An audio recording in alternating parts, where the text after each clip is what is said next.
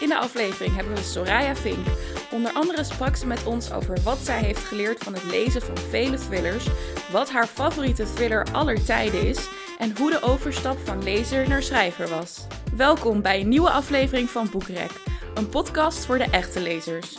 Soraya Fink is Hebban-recensent turned into schrijfster en ze praat met ons vandaag over haar debuut Persona. Een boek gebaseerd op een bestaande drugslink tussen Nederland en Spanje. Ze kwam bij ons langs om te praten over hoe haar ervaring was bij het schrijven van haar eerste thriller en hoe zij van thriller-recensent naar thriller-schrijfster is gegaan. Hier is Soraya Fink.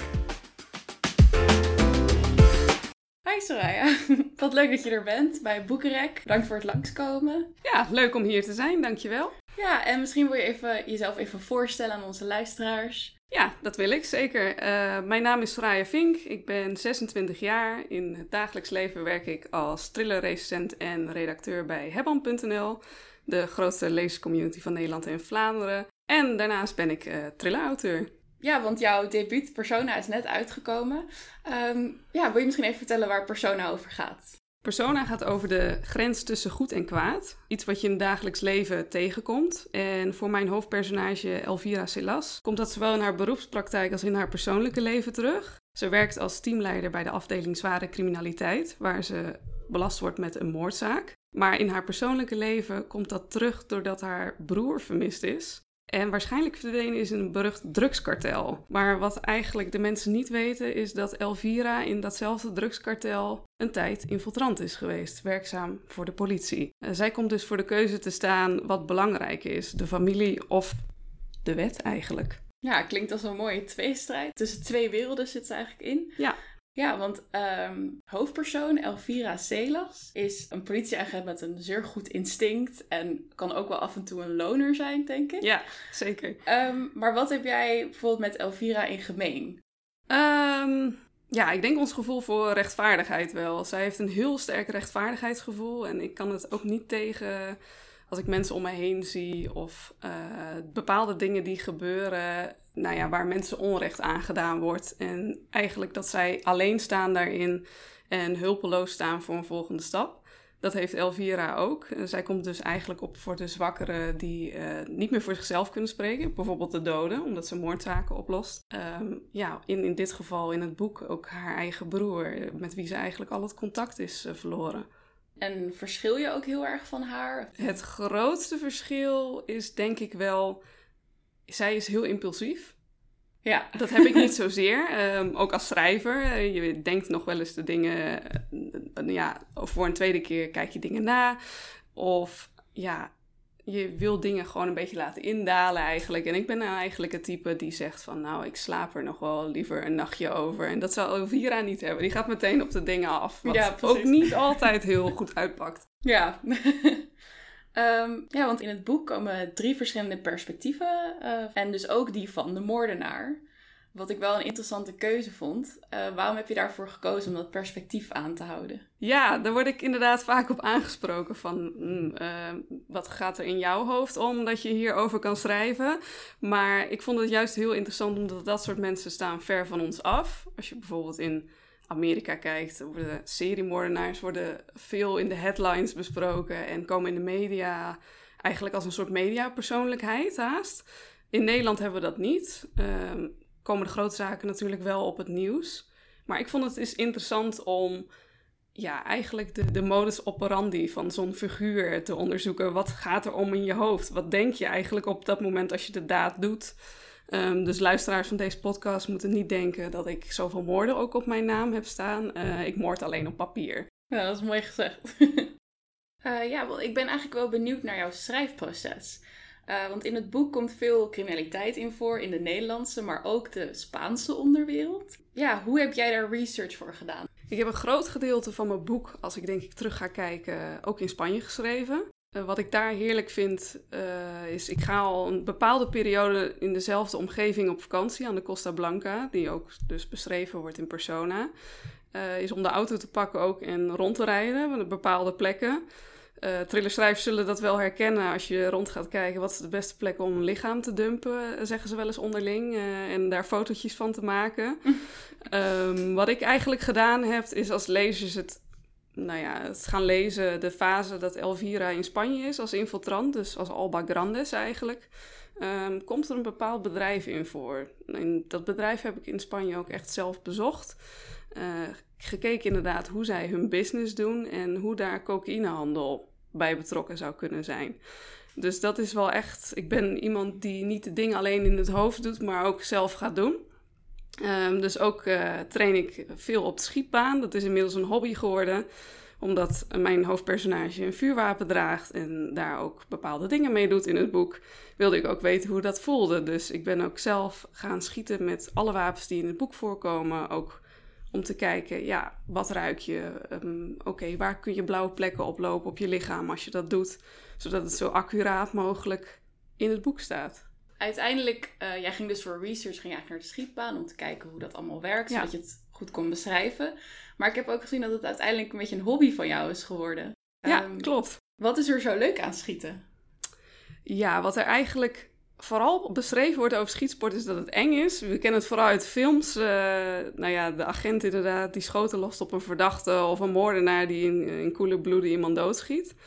Uh, wat met schietsport eigenlijk heel fijn is, is dat het een concentratiesport is. Het is dus niet dat je even gaat staan en je lost zoveel schoten op een schijf en je bent klaar. Het heeft met allerlei factoren te maken. Dus het heeft met je houding te maken, je ademhaling, concentratie komt er dus bij kijken. En um, dat vond ik ook wel een grappige quote van Karen Slaughter. Die werd een keer het dilemma voorgelegd. Wat vind je fijner, een uur yoga of een uur schietsport? Toen zei ze ook, doe mij net een uur schietsport maar. Eh, want uh, dan ben ik veel rustiger en voor yoga heb ik toch geen geduld. Uh, dus dat, die mening deel ik wel met haar. Ja, ook een beetje therapeutisch of zo. Ja. Dat, ja, ja, je komt eigenlijk heel rustig van de schietbaan af. Terwijl voor een omstander zal het echt zijn van... Nou, één, wat een herrie is het. En twee, wat doen die mensen allemaal gevaarlijke dingen. Um, maar je krijgt er echt een goede training voor. En uh, uiteindelijk kun je dat volledig zelfstandig doen als je dat uh, doorloopt. Ja, want ik, ik kan me ook herinneren, uh, ik heb jou ontmoet op de schietbaan, omdat we daar een uh, event hadden, ter promotie van jouw boek. Ja. Um, en daar gingen we dus, nou, ging ik voor het eerst schieten, maar het was dus van tevoren, uh, legde je ook uit van het, het is, heeft helemaal niks te maken met wat je altijd met schieten voor je ziet, zeg maar iets agressiefs, iets, ja. iets heftigs. En ik, het voelde ook alsof het heel heftig zou zijn, maar uiteindelijk was het inderdaad gewoon een sport en ze werden daar ook echt behandeld. Dus dat wel ja, was wel een verandering in mijn ogen hoe zeg maar, een pistool dan eigenlijk, uh, ja, echt een vrije tijd iets hobby wordt. Ja, ja, dat is het eigenlijk. En um, voor een schrijver is het heel fijn, dat merk ik ook als ik zelf thrillers lees, dat je het juist hebt. Dat um, je niet beschrijft dat er een magazijn in een revolver gaat, omdat een revolver een trommel heeft en je daar de kogels zelf al instopt en hoeveel er dat zijn en ja, hoe bepaalde schoten klinken en zo. Uh, het maakt eigenlijk het totaalplaatje compleet als je weer gaat schrijven. En dan merk je waarschijnlijk ook hoeveel fouten er in al die Hollywood-films zitten ja. over... Uh... Ja, dat je denkt van, hé, hey, oké, okay, het is een 9 mm. Uh, nou, het is bijvoorbeeld een Sig Sauer. Daar gaan zoveel patronen in het magazijn. En als je mee gaat tellen met de schoten, dat je oh, denkt, ja. het moet nu wel een keer herladen worden. Dat soort dingen ga je dan wel opletten, ja. Um, en uh, uh, jouw vader is politieagent. Ja. Was dat ook een gro grote bron voor informatie voor jouw boek? Want uh, Elvira is ook politieagent. Dus, Ja, in die zin dat ik opgegroeid ben met zijn verhalen. het maakt je bewuster van de boze buitenwereld die er kan zijn. Dus, nou ja, iedere vader of moeder is natuurlijk bezorgd als kind bijvoorbeeld op de fiets gaat naar de middelbare school, die een aantal kilometers verderop ligt. Maar als je vader bij de politie werkt, dan krijg je dat toch wel wat extra mee. Ook om de zaken die hij heeft meegemaakt natuurlijk. Uh, maar toen ik mijn boek ging schrijven, ja, had ik een fijne sparringspartner natuurlijk om bepaalde dingen dan wel te checken. Of in de zin van of iets geloofwaardig is, of dat kan. Ja. Uh, ja, welke stappen er in een onderzoek doorgenomen moeten worden, dat soort dingen. Ja, dat het allemaal wel echt uh, op de realiteit gebaseerd is. Ja, ja, dus dat was eigenlijk ook een, een soort research fase, ja. Uh, ja, nou, zoals je al eerder zei, je bent Hebban-recensent. Ja. Uh, Thriller-recensent in het specifiek. Uh, waarom hou jij zo van thrillers? Ja, goede vraag. um, nou, allereerst is boeken lezen voor mij wel echt een ontsnapping. Dus er gebeuren dingen die in het dagelijks leven niet zo snel zelf zou gaan doen. Bij thrillers is dat natuurlijk nog weer iets in het extreme, doordat je over moordenaars en inderdaad gruwelijke zaken met slachtoffers leest en zo. Situaties waarin je zelf niet hoopt te komen ooit. Uh, maar het gaat mij vooral om het mysterie. Het mysterie wat kan afspelen in een moordzaak, dus dat je de puzzelstukjes moet leggen. Maar ook het mysterie wat in iemands hoofd kan afspelen. Waarom je iets gaat doen en hoe je tot een daad gezet wordt. En dat laatste heeft me altijd wel gefascineerd eh, in mensen. Dus ja, in hoeverre iemand in staat kan zijn tot moord. In bepaalde onderzoeken laten zien dat als de omstandigheden aanwezig zijn, iedereen dat zou zijn om te overleven. Die drang heeft iedereen in zich. Ja, want hoe was voor jou, hoe was die overstap om eigenlijk van lezer naar schrijver te gaan? Ja, dat is heel spannend. Allereerst omdat dat, ja, het is nu voor een deel mijn beroep. Dus ja, je kijkt zelf naar thrillers, hoe ze opgebouwd worden, eh, wat de goede en, ster of de goede en zwakke punten zijn. Ehm, ja, bij mij is het eigenlijk een geval, denk ik, waar je mee omgaat, word je mee besmet omdat ik voor mijn werk bij Hebban heel veel schrijvers mag interviewen. Wat ontzettend leuk is, omdat je dan ook de andere kant van een verhaal leert kennen. Dus jij leest het fictieverhaal wat een schrijver heeft gepresenteerd. Maar um, jij kan ook in zo'n gesprek eigenlijk een beetje in het hoofd van zo'n schrijver duiken. Doordat hij uh, zijn gedachten of haar gedachten met jou deelt. En dat had ik ook. Uh, in die zin dat ik daardoor werd geïnspireerd om het een keer zelf te gaan proberen. En ik had die aantal elementen die in persona voorkomen van een vrouwelijke ex-infiltrant. Um, dat leek mij heel interessant, omdat daar weinig over geschreven is. Dus ik dacht, ja, waarom zou ik het niet zelf eens een keer proberen om die puzzel te leggen en kijken hoe ver ik kom? Dus het begon eigenlijk als een vrije tijdsbesteding en het werd steeds serieuzer. En ja, nu ligt Persona in de winkel. Oh, wauw. Dus dat is echt zo gegroeid. Ja. Van uh, geïnspireerd raken door andere verhalen. En dan zelf uh, kijken naar uh, wat, waar zou ik het over willen hebben. Ja, ja. Ja, wat zou je zeggen dat ook bijvoorbeeld het vele lezen en recenseren heeft geholpen met uh, wat je bijvoorbeeld moet vermijden. Als je zelf zeg maar kritiek had op een boek, dacht je, oh, dit ga ik voortaan ook vermijden in mijn eigen verhaal. Of... Ja, nou als recensent let je wel inderdaad op de, de diepere laag van een verhaal. Dus er zijn wel elementen waar je op let van, nou is het prettig geschreven, dus leest het lekker.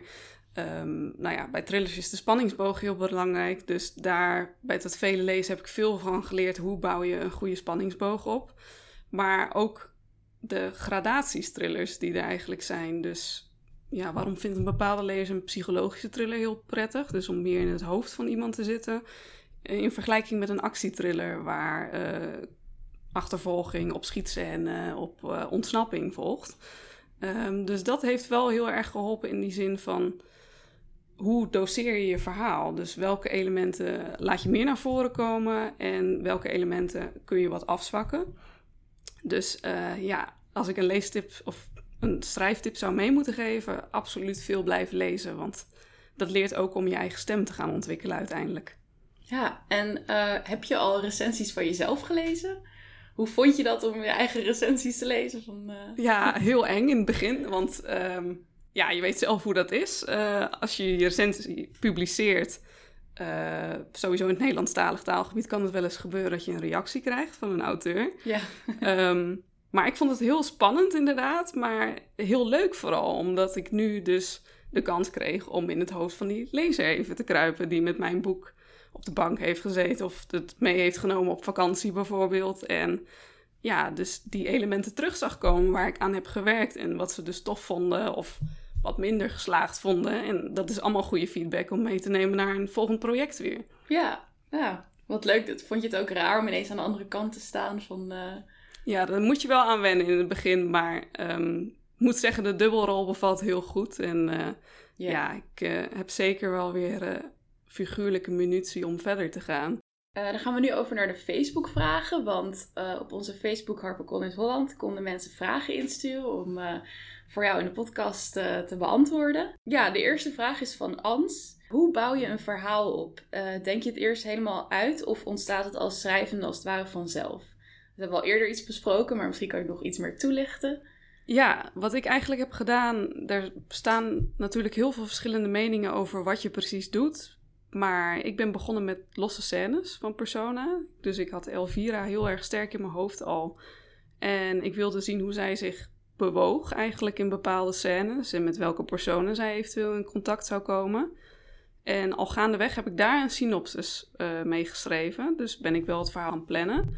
En daaruit is eigenlijk het boek ontstaan. Dus ik had een soort tijdlijn waar ik me aan hield, zodat ik wist dat nou ja, bepaalde details gewoon goed in elkaar zouden passen als puzzelstukjes. En ja, daarmee is het schrijven wel wat makkelijker gegaan. Um, wat ik heb gedaan als laatste einduitdaging toen ik het boek af had, is de synopsis, de eerste versie die ik had, naast het uiteindelijke boek leggen. Ja, die kwam nog best wel eh, veel overeen. Dus voor mij heeft dat een houvast gegeven. Maar ja, ik kan me ook best voorstellen dat andere schrijvers het heel lekker vinden om in het wilde weg uh, te schrijven. Want zo ben ik ook een beetje begonnen. Ja, dus eigenlijk heb je het ook langzaam opgebouwd van scène naar een groter deel, naar hoe het allemaal in elkaar zit. En uh, vanuit daar waarschijnlijk de pagina per pagina volgeschreven. Ja, ja, zo is het eigenlijk gegaan, ja. En dan vraagt Linda, uh, welke schrijvers lees je graag zelf en heb je een favoriete boek? Oh, jeetje. Um, ik lees heel veel. Um, als ik echt favorieten mag noemen, dan is het de Britse schrijver Peter James. Daar lees ik, zijn serie lees ik al eigenlijk vanaf doodsimpel. Wat ik nog steeds echt de beste thriller aller tijden vind. Die oh. raad ik ook echt iedereen aan. Dus heb je hem nog niet gelezen, ga het vooral doen.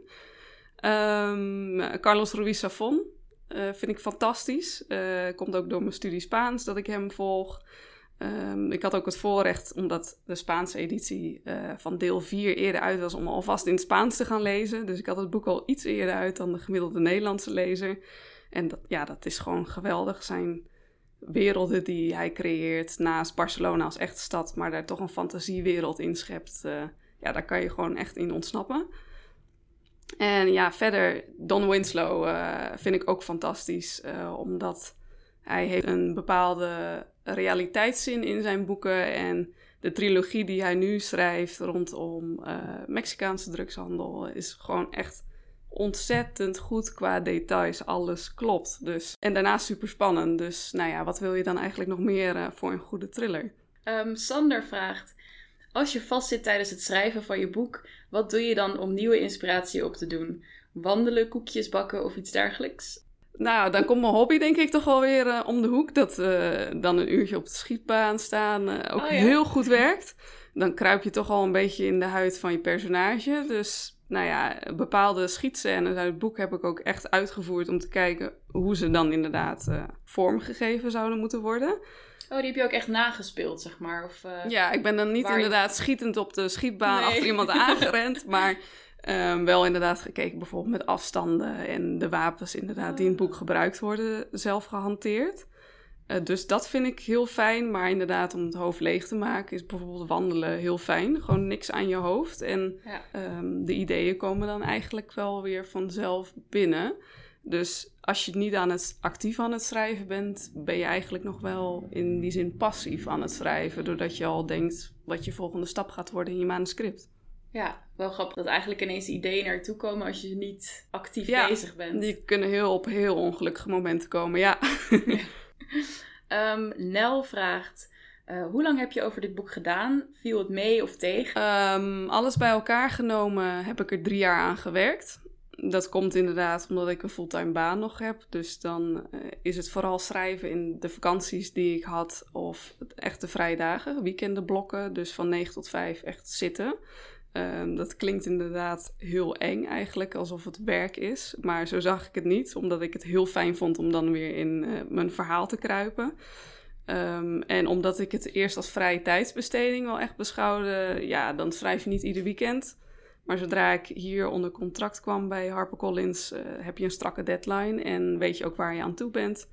Dus dan ga je echt voor jezelf een tijdschema maken. Oké, dan moet die versie af en dan moet dit af. Um, dus dan geeft het heel veel houvast om een deadline te hebben. En uh, Xaviera vraagt: Droom je al van een verfilming van het boek? Ja, dat is denk ik de kroon op uh, het werk van iedere auteur. Een verfilming um, kan ook heel eng zijn, denk ik, omdat de beelden die in jouw hoofd zitten dan in één keer op het grote scherm getoond worden. Uh, ja, ik zou dat fantastisch vinden als Persona verfilmd zou mogen worden. Uh, zeker omdat er ook wel een paar scènes in Spanje afspelen. Dus nou ja, wie weet, een producent die nog een zakcentje extra heeft, uh, die wil dan vast ook nog wel wat shots nemen in Barcelona. Volgens mij wil het heel mooi op beeld staan ook. Ja, ja, precies. Dat je ook wel een beetje zin krijgt om op vakantie te gaan misschien. dus ja, wie weet. Ja. En uit de ingestuurde Facebook-vragen zullen we ook twee winnaars kiezen. En die winnen een gesigneerd exemplaar van Persona. Uh, Soraya, wil jij de twee winnaars opnoemen? Zeker. Ik vond de vragen van Anstier en Sander Alexander de allerleukste die ik kreeg. Dus dank jullie wel voor jullie vragen en jullie krijgen een gesigneerd exemplaar van Persona. Nou, Soraya, heel erg bedankt dat je langs wilde komen en uh, met, uh, met ons wilde spreken voor de podcast. Heel graag gedaan. Uh, mijn laatste vraag is toch: ben je al bezig met een volgende idee voor een boek of wellicht een gevolg voor, vervolg voor Elvira?